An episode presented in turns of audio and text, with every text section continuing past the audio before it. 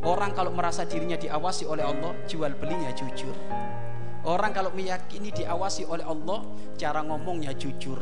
Orang kalau meyakini dirinya diawasi oleh Allah, maka dia tidak akan berbuat culas. Ya, tidak berbuat cu culas.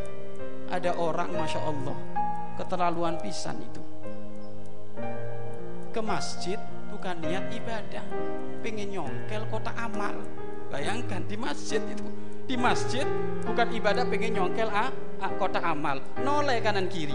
Ada orang enggak ada orang. Naik ke atas. Padahal ke atas itu sebenarnya, sebenarnya harus sadar dirinya dilihat oleh Allah. Tapi karena memang hatinya tidak meyakini dia diperhatikan oleh Allah melihat ke atas melihat CCTV bukan melihat kebesaran Allah Allah. Ada CCTV enggak oh enggak enggak ada. Congkel congkel congkel congkel diambil duitnya Hmm. Kenapa ada orang bisa melanggar kayak gitu? Karena dia karena dia ragu bahwasanya Allah memperhatikan di memperhatikan dia sehingga dia ngambil yang ha yang haram.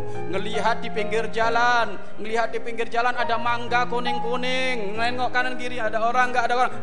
Nah, diambil itu masuk ke sakunya seakan-akan nggak ada nggak ada orang padahal Allah maha meli maha melihat maka keyakinan di dalam kita ibadah kepada Allah ini pen penting.